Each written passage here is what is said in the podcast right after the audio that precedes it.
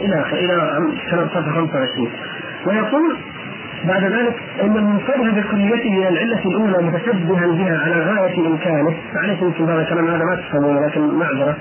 يتخذ بها عند ترك الوسائط وخلع العلائق والعوائق. يقول في وحدة هذه وحتى الوجود. يقول وهذه آراء يذهب إليها الصوفية لتشابه الموضوع.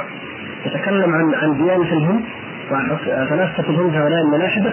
ثم يذكر أن الصوفية يذهبون إليه لتشابه الموضوع. فالرجل يقول أن الصوفية هم حكماء الهند وأن اسمهم هو هو الصوفية. وأن آه، من يطلق عليهم من الأسماء أو يطلق عليهم من من ما حدث بالاسم من التصحيح فقيل أنه من الصوف أو غير ذلك هذا ليس له حقيقة. والقشيري نفسه في الرسالة يقول ليس للاسم أصل في اللغة العربية، القشيري من أئمة الصوفية له كتاب الرسالة، يقول هذا الاسم ليس له أصل في اللغة العربية. وهو صادق في ذلك. هناك مصدر آخر ننتقل مثلا آه، دائرة المعارف الإسلامية كما سماها المستشرقون وهي دائرة المعارف الاستشراقية مادة في الجزء الخامس.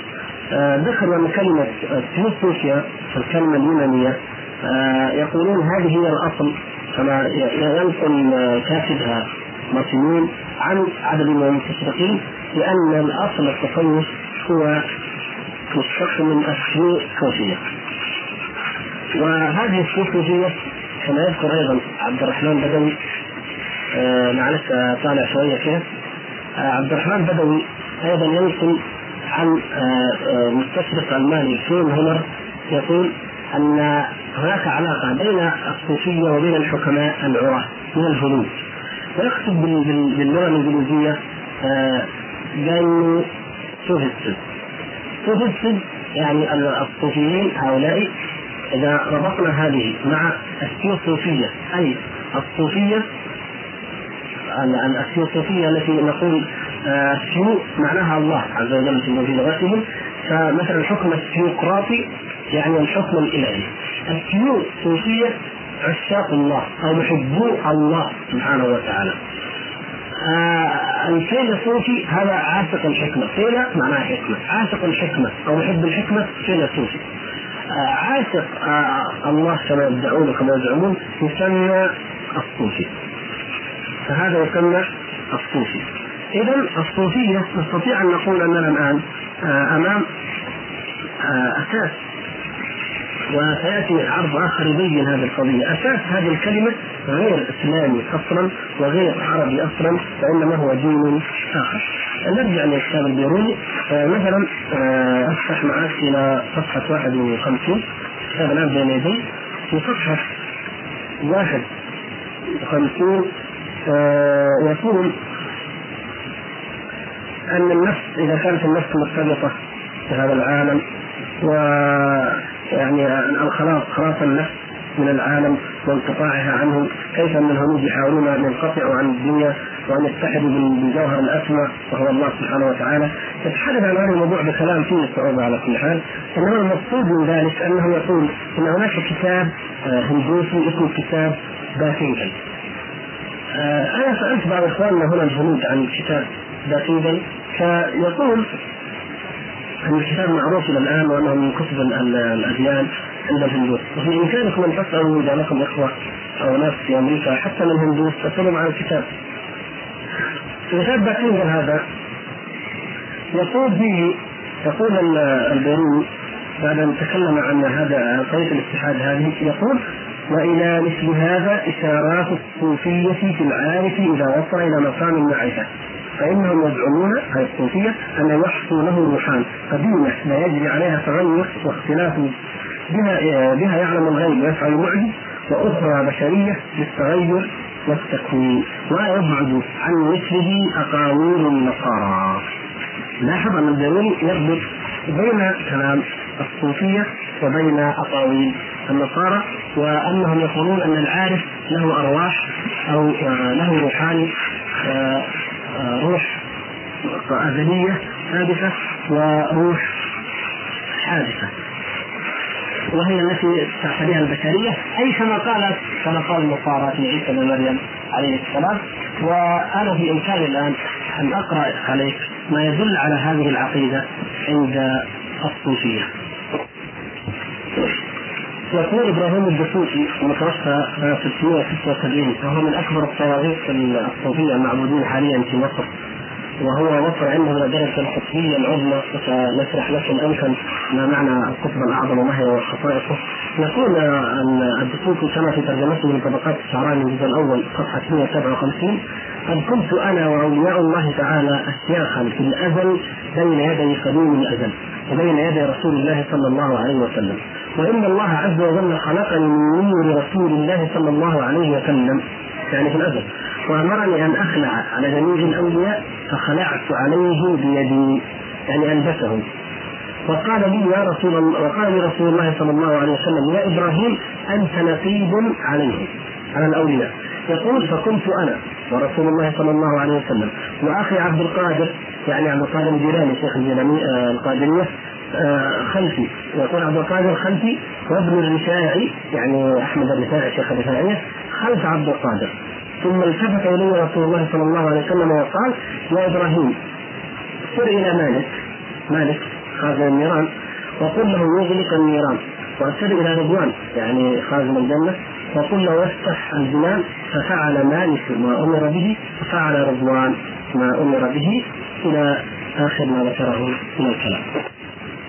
نعود للبيروني انتقل معي إلى صفحة 66 من الكتاب عندك يقول وإلى قريب فاشنجل هذا الهندي الذي قلنا ذهبت الصوفية في الاشتغال بالحق فقالوا ما دمت تشير فلست بالموحد حتى يستولي الحق على إشارتك باسمائه عنك فلا يبقى مشير ولا إشارة. وحتى الوجود الكاملة. يعني يقول ويوجد في كلامهم ما يدل على القول بالاتحاد كجواب أحدهم عن الحق وكيف لا أتحقق من هو أنا بالامنيه ولا أنا بالأينية؟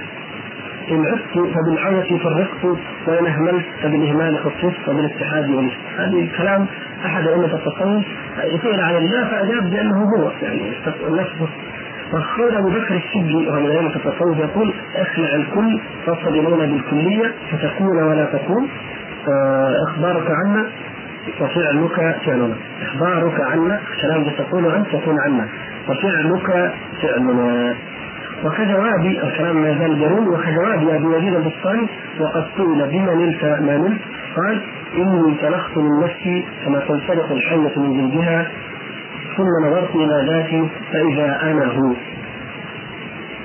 وقالوا في قول الله تعالى فقلنا اضربوه بعضها إن الأمر بقتل الميت لإحياء الميت إخبار إخبار أن القلب لا يحيا بأنواع المعرفة إلا باماته البدن بالاجتهاد حتى يبقى رسما لا حقيقة له وقلبك حقيقة ليس عليه أثر من المرسومات وقالوا إن بين العبد وبين الله ألف مقام من النور والظلمة وإنما اجتهاد القوم في قطع الظلمة إلى النور فلما وصلوا إلى مقامات النور لم يكن لهم رجوع. انتهى كلام البيروني وهو يقول إن هذا الكلام بعينه هو كلام الهنود وهو الذي سار عليه ائمه التصوف فأقول أن الثابت من الكتب التي كتبها آه، كثير من المعاصرين عن الصوفية ومن آه، القدماء آه، أن أول من أسس التصوف هم الشيعة وأن هناك بالذات رجلين كان لهما دور في ذلك.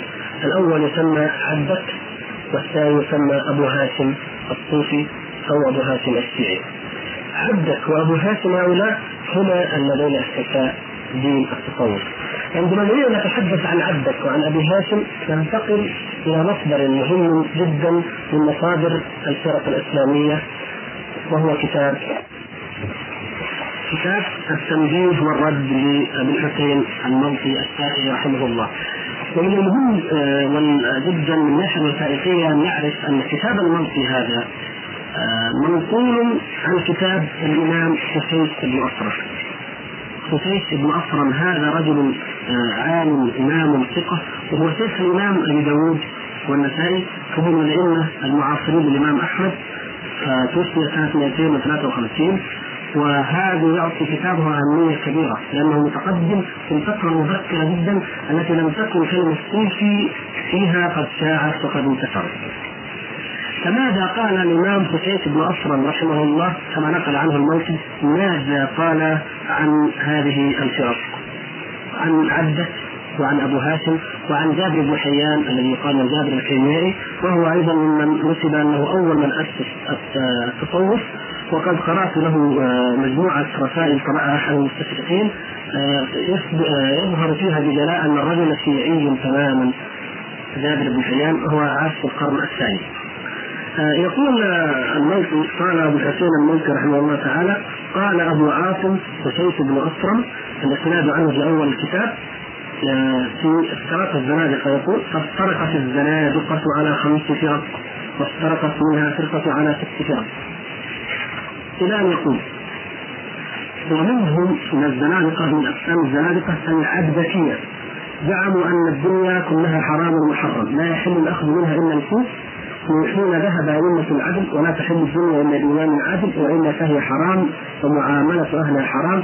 فحل لك أن تأخذ القوت من الحرام من حيث كان. وإنما سموا العبدكية لأن عبدك وضع لهم هذا ودعاهم إليه وأمرهم بتصديقه يقول ومنهم الروحانية وهم أصناف وإنما سموا الروحانية لأنهم زعموا أن أرواحهم تنظر إلى ملكوت السماوات وبها يعاينون الجنان الجنان يعني الجنة ويجامعون الحور العين وتسرح في الجنة وسموا أيضا الفكرية لأنهم يتفكرون زعموا في هذا. حتى يصيرون اليه فجعلوا الفكر بهذا غاية عبادتهم ومنتهى ارادتهم ينظرون بارواحهم بتلك الفكرة إلى هذه الغاية فيتلذذون بمخاطبة الله لهم ومصافحته إياهم ونظرهم إليه زعموا. ويتمتعون بمجامعة حول العين ومفاكهة الأفكار على رأية المتكئين ويسعى عليهم الولدان المخلدون بأصناف الطعام وألوان الشراب وطرائف الثمار. إلى آخر يقول ومنهم صنف من الروحانية زعموا أن حب الله يغلب على قلوبهم وأهوائهم وإرادتهم حتى يكون حبه أغلب الأشياء عليهم. فإذا كان كذلك عندهم كانوا عنده بهذه المنزلة وقعت عليهم الخلة من الله. فأحل لهم آه، فجعل لهم السرقة والزنا وشرب الخمر والفواحش كلها على وجه الخلة التي بينه وبين الله لا على وجه الحلال. يعني تحل لهم على وجه أنهم أخلاء لله وسيأتي على هذا نقول كثيره شواهد تدل على ذلك عند الصوفيه. آه يقول كما يحل للخليل اخذ المال لخليله بغير إذنه. منهم رباح وكليب كانا يقولان بهذه المقالة ويدعوان إليها وهؤلاء أيضا ممن ممن ذكر أنهم من أئمة التصوف القدامى. يقول ومنهم من الروحانية. زعموا أنه ينبغي للعباد أن يدخلوا في مضمار الميدان حتى يبلغوا إلى غاية السبقة من تضمير أنفسهم يعني تجويعها وحملها على المكروه فإذا بلغت تلك الغاية أعطى نفسه كل ما تشتهي وتتمنى. وإن أكل الطيبات آه، أو قالوا وإن أكل الطيبات كأكل الأراذلة والأطعمة وكان الصبر والخبيث عنده بمنزلة وكان العسل والخل عنده بمنزلة. فإذا كان كذلك فقد بلغ غاية السبقة وسقط عنه تدمير الميدان واتبع نفسه آه، ما اشتهت أو أتبع نفسه ما اشتهت منهم ابن حيان كان يقول هذه المقالة. ويقول رحمه الله ومنهم صنف يقولون إن ترك الدنيا إشغال للقلوب وتعظيم للدنيا ومحبة لها. ولما عظم في الدنيا عندهم تركوا طيب طعامها ولذيذ شرابها ولين لباسها وطيب رائحتها أو طيب رائحتها فاشغلوا قلوبهم بالتعلق بتركها. وكان من إهانتها مواتاة الشهوات عند اعتراضها حتى لا يشتغل القلب بذكرها ويعظم عندما ترك منها. قال ورباح وسليم كان يقولان هذه المقالة. هذا الكلام كلام الإمام حسين بن أسرم رحمه الله المكتوب قبل منتصف القرن الثالث الهجري آه، حوالي 240 أو هكذا يعني كتب الكتاب. هذا الكلام كما لاحظنا هو عقيدة الصوفية الحب حب الله كما يدعون تحريم الدنيا تحريم الحلال آه، الدعوة أن نرد الله ويخاطبون في الدنيا وأن نحدثهم.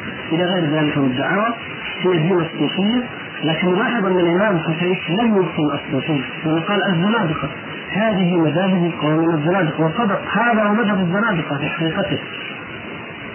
نرجع إلى مصدر بعده وهو من اوثق المصادر أيضا في الخلافات والفرق وهو كتاب مقالات الإسلاميين للإمام أبو الحسن الأشعري رحمه الله الذي رجع إلى مذهب أهل السنة والجماعة وإن كان الاشاعره لا يزالون يتبعون ما كان عليه قبل رجوعه نسال الله ان يهديهم للحق. يقول في صفحة 288 من آه، طبعة هيلموت ريتر الثالثه يقول العنوان هذه حكاية قول قوم من المساك. المساك أيضا هو آه، اسم عباد الهند طبعا يعني ترجمه له يعني المفروض من النسك والتعبد وهذه هو اللي ترجم به عبد الله بن المقفع الصوفيه في الهند وسماهم النساك في كتاب كليله وذمه فيسمى الناسك العابد يسمى الناسك يقول وفي الأمة قوم يمتحنون النسك يزعمون أنه جائز على الله سبحانه الحلول في الأجسام. وإذا رأوا شيئا يستحسنونه قالوا لا ندري لعله ربنا. ومنهم من يقول إنه يرى الله أنه يرى أو أنه يرى الله سبحانه في الدنيا على قدر الأعمال. يعني أن الله يرى في الدنيا على قدر الأعمال. فمن كان عمله أحسن رأى معبوده أحسن. ومنهم من يجوز على الله سبحانه المعانقه والملامسه والمجالسة في الدنيا. وجوزوا مع ذلك على الله تعالى عن قولهم أن نلمسه ومنهم من يزعم أن الله سبحانه ذو أعضاء وجوارح وابعاض لحم ودم على صورة الإنسان. له ما للإنسان من الجوارح. تعالى ربنا عن ذلك علوا كبيرا. وهذا القول ذكره هنا الأشعري هو قول أبو هاشم المشبه الصوفي الذي الشيعي المؤسس هذا الدين. أو من المؤسسين كما قلنا. يقول الإمام الأشعري وكان في الصديق رجل يعرف بأبي شعيب. يزعم أن الله آه، يسر ويفرح بطاعة أوليائه ويغتم ويحزن إذا عصوه يعني كفرح المخلوقين. وكغمهم ويقول وفي النساك قوم يزعمون أن العبادة تبلغ بهم إلى منزلة تزول عنهم العبادات. وتكون الأشياء المحظورات على غيرهم من الزنا وغيره مباحات لهم. وفيهم من يزعم أن العباده تبلغ بهم أن يروا الله سبحانه ويأكل من ثمار الجنة ويعانق الحور العين في الدنيا ويحارب الشياطين. ومنهم من يزعم أن العباده تبلغ بهم إلى أن يكونوا أفضل من النبيين والملائكة المقربين. هذا كلام الإمام الأشعري. يؤكد ما قاله آه، الإمام حسين. ويذكر عنهم قضية سقوط التكاليف، سقوط التعبدات أن الإنسان يترقى كما يقول الصوفية أن الله تعالى يقول واعبد ربك حتى يأتيك اليقين، فإذا جاء اليقين أو إذا وصلت إلى الحقيقة سقطت عنك الشريعة. لأن المريد عندهم أو الصوفي يبدأ مريد ثم سالك ثم واصل، الواصل وصل إلى الحقيقة سقطت عنه التكاليف وسقطت عنه التعبدات. هذا الكلام يقول الإمام الأشعري وهو متوفى آه، سنة 324 أي أيضا ما يزال متقدم بالنسبة للشارع الصوفية ولم يذكر أن هؤلاء الصوفية أبدا. إنما قال هؤلاء النساء وهذا القول لا شك أنه قول زنادقه وكفار. فيحكي على أنه قوم يدعون أو ينتسبون إلى هذه الأمة وليسوا من هذه الأمة، ليسوا من أمة الإسلام، غير أمة محمد صلى الله عليه وسلم. فلنرى كيف أن هذا هذا القول أصبح دينا عند المتأخرين من المسلمين المنتسبين للاسلام الصوفية ويدعون مع ذلك أنهم هم أهل السنة والجماعة. لا نقف عند الاشعري وانما أيضا آه ننتقل إلى إمام آه آه من المؤلفين في الفرق وهو فخر الدين الرازي وهو من أكبر أئمة الأشاعرة يعني الرجل ليس من أئمة أهل السنة والجماعة بل هو من أئمة الأشاعرة الذي ألف كتاب أساس التقرير ورد عليه الشيخ الإسلام ابن تيمية آه، كتاب بيان تنفيذ الجهمية. فهو من أكبر الأشاعرة وأقواله عندهم من أهم الأقوال. فننقل لكم نقرأ لك بعض كلامه في في هؤلاء الصوفيه ما كان فيه مدح وما كان فيه ذم. المهم يقول الباب الثاني في احوال الصوفيه عفوا الرازي توفي سنة 606 يعني مثلا تابع المسألة بتطور الزمن.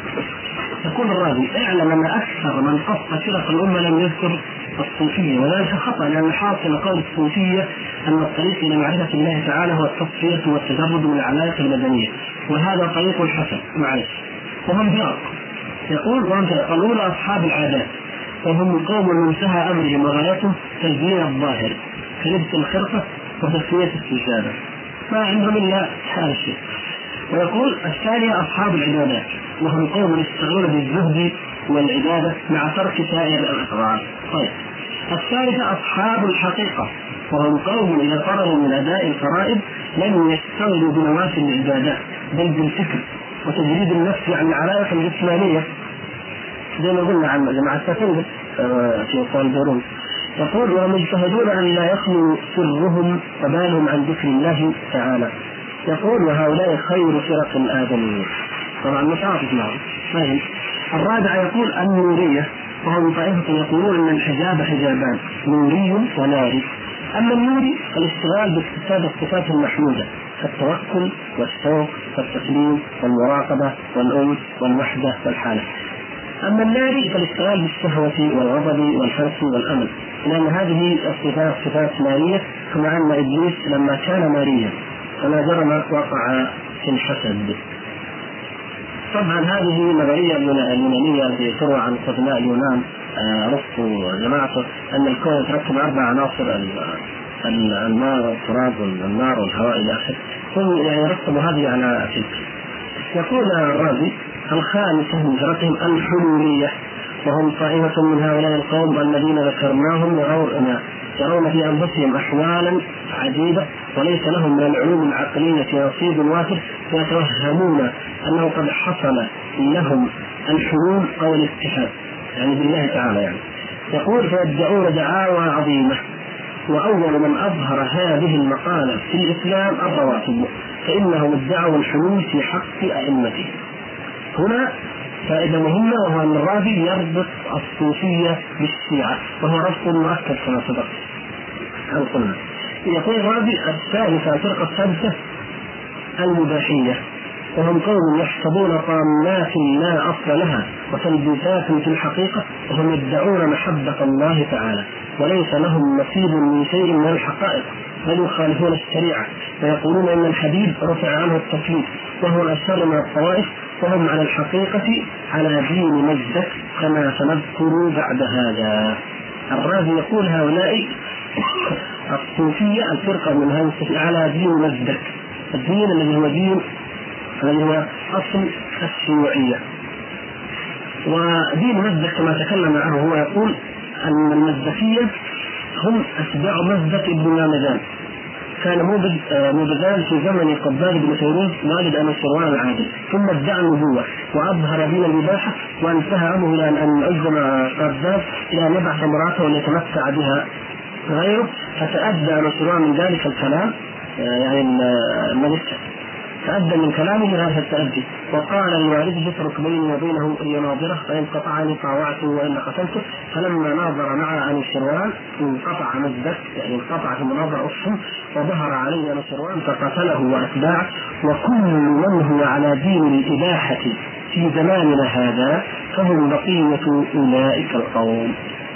هذا كلامه على المزدكية ويقول الصوفية الموجودة الفرقة المسماة المباحية منهم هم على دين مزدك الذي هو أصل الشيوعية وأصل نظرية كارل ماركس. الذي آه، كما ذكر هؤلاء الإفراطيون يقولون أنتم مشتغلون بالرد على آه، المسلمين يتركون الشيوعية. هذا الرازي وهو إمام من أئمة الأشاعرة وكتابه اعتقادات فرق المسلمين والمشركين مطبوع موجود. يقول إن تلتقي الصوفية بالمزدكية يعني الشيوعية والصوفية تلتقي عند مزدك فهذا هو كلامه وليس كلامنا نحن. ومن الرازي المتوسط كما قلنا سنة 606 ننتقل إلى آه، أحد آه، الأئمة آه، في علماء اليمن يسمى عباس بن منصور السكسكي قيل أنه كان حنبلي وهذا غريب في أحمد اليمن وقيل أنه الشافعي وعلى كل حال يمكن مراجعة ترجمته في الأعلام. هذا الإمام السكسكي متوفى سنة 683 هو أيضا متقدم لنا. و طبعا يعني قبل شيخ الإسلام ابن تيمية المتوفى كثير. المهم أنه كتب عن البرهان كتابا اسمه البرهان في معرفة عقائد أهل الأديان. هذا كتاب مطبوع وأنا الآن أقرأ ما كتبه عن الصوفيه بنصه. يقول آه قد ذكرت في اخر الكتاب يقول قد ذكرت آه هذه الفرقة الهادية المهدية يعني أهل السنة. وأنها على طريقة متبعة لهذه الشريعة النبوية وإلى أن يقول ولن يسد وغير ذلك مما هو داخل تحت الشريعة المطهرة لم يسد أحد منهم. عن ذلك سوى فرقة واحدة تسمت بالصوفية ينتسبون إلى أهل السنة وليسوا منهم. يقول وليسوا منهم قد خالفوهم في الاعتقاد والأفعال والأقوال. أما الاعتقاد فسلكوا مسلك ذوي الباطنية الذين قالوا إن للقران ظاهرا وباطنا. الظاهر ما عليه حملة الشريعة النبوية والباطن ما يعتقدونه وهو ما قدمت بعض ذكره. فكذلك أيضا آه، فرقة الصوفية قالت إن للقران والسنة حقائق خفية باطنة. غير ما عليه علماء الشريعة من الأحكام الظاهرة التي نقلوها خلفا عن سلف متصلا بالنبي صلى الله عليه وسلم بالأسانيد الصحيحة النقلة الأسباب. وتلقته الأمة بالقبول وأجمع عليه الثواب الأعظم. ويعتقدون أن الله عز وجل حال فيهم أو ماجد لهم. وهو مذهب الحسين بن منصور الحلاج المصلوب في بغداد بأيام المقتدر الذي قدمه ذكره في الرواتب في فصل فرقة الخطابية. ولهذا قال أنا الله تعالى الله عن ذلك علوا كبيرا. وأن ما حدث في نفوسهم وتكلموا به في تفسير قرآن أو حديث نبوي أو غير ذلك مما شرعوه لأنفسهم واصطلحوا عليه منسوب إلى الله تعالى وأنه الحق وأن وإن خالف ما عليه جمهور العلماء وأئمة الشريعة وفسرته علماء الصحابة وثقاتهم بناء على الأصل الذي أصلوه من الحلول والممازجة. ويدعون أنهم قد ارتفعت درجتهم عن التعبدات اللازمة للعامة وانكشفت لهم حجب الملكوت واطلعوا على أسراره وصارت عبادتهم بالقلب لا بالجوارح. نتابع الكلام ما يزال الإمام السكسكي آه، صفحة 65 من كتاب البرهان يقول وقالوا لأن عمل العامة بالجوارح كله يؤدي إلى علم الحقائق. إذ هو المقصود على الحقيقة وهي البواطن الخفية عندهم لا عمل لا عمل بالجوارح. وقد وصلنا واتصلنا واطلعنا على علم الحقائق الذي جهلته العامة وحملت الشرع وطعنوا حينئذ في الفقهاء والأئمة والعلماء وأبطلوا ما هم عليه وحقروهم وصغروهم عند العوام والجهال وفي أحكام الشريعة المطهرة. وقالوا نحن العلماء بعلم الحقيقة الخواص الذين على الحق والفقهاء هم العامة لأنهم لم يطلعوا على علم الحقيقة. وأعوذ بالله من معرفة الضلالة. فلما أبطلوا علم الشريعة وأنكروا أحكامها أباحوا المحظورات وخرجوا عن إلزام الواجبات فأباحوا النظر إلى المردان والخلوة باجانب النسوان والتلذذ باسماع أصوات النساء والصبيان وسماع المزامير والشفاف والرقص والتصفيق في الشوارع والأسواق بقوة عظيمة. وترك الحكمة وجعلوا ذلك عبادة يتدينون بها ويجتمعون لها ويؤثرونها على الصلوات ويعتقدونها أفضل العبادات. ويحضرون لذلك المغاني من النساء والصبيان وغيرهم من أهل الأصوات الحسنة للغناء بالسبابات والطار والنقر والأجساد المجلجلة وسائر الآلات وأبيات الشعر الغزلية التي توصف فيها محاسن النسوان ويذكر فيها ما تقدم من النساء التي كانت الشعراء تهواها وتسبب بها في أشعارها وتصف محاسنها كليلى ولبنى وهند وسعاد وزينب وغيرهم. فيقولون نحن نكلم بذلك عن الله عز وجل ونصرف المعنى إليه. أقول أنا كتاب إغاثة الأحكام الإمام ابن القيم رحمه الله فصل هذه الأمور تفصيلا آه، مفيدا. لكنني آثرت أن لا أنقل عنه حتى لا يقال ما يعرفون إلا ابن تيمية وابن القيم. هذا قبل ابن القيم وابن تيمية ولا آه، ليس ممن له شهرة أنه حارب تصوف باسم أنه كما يقولون سلفي أو تيمي أو وهابي بل هو قبل ولاية جميعا. ويقصد بوضوحية وينقل من مصادر كثيرة. أنا واصل كلام تنظر بعض مصادره يقول وقد ذكر الفقيه موسى بن أحمد ذلك في الرسالة التي رد بها عليهم وبين فيها فساد مذهبهم فقال في بيت شعر انشده فيهم يكنون عن رب السماء بزينب وليلى ولبنى والخيال الذي يسري وتختلط الرجال بالنساء والنساء بالرجال ويتنادى الرجال والنساء ويتصافى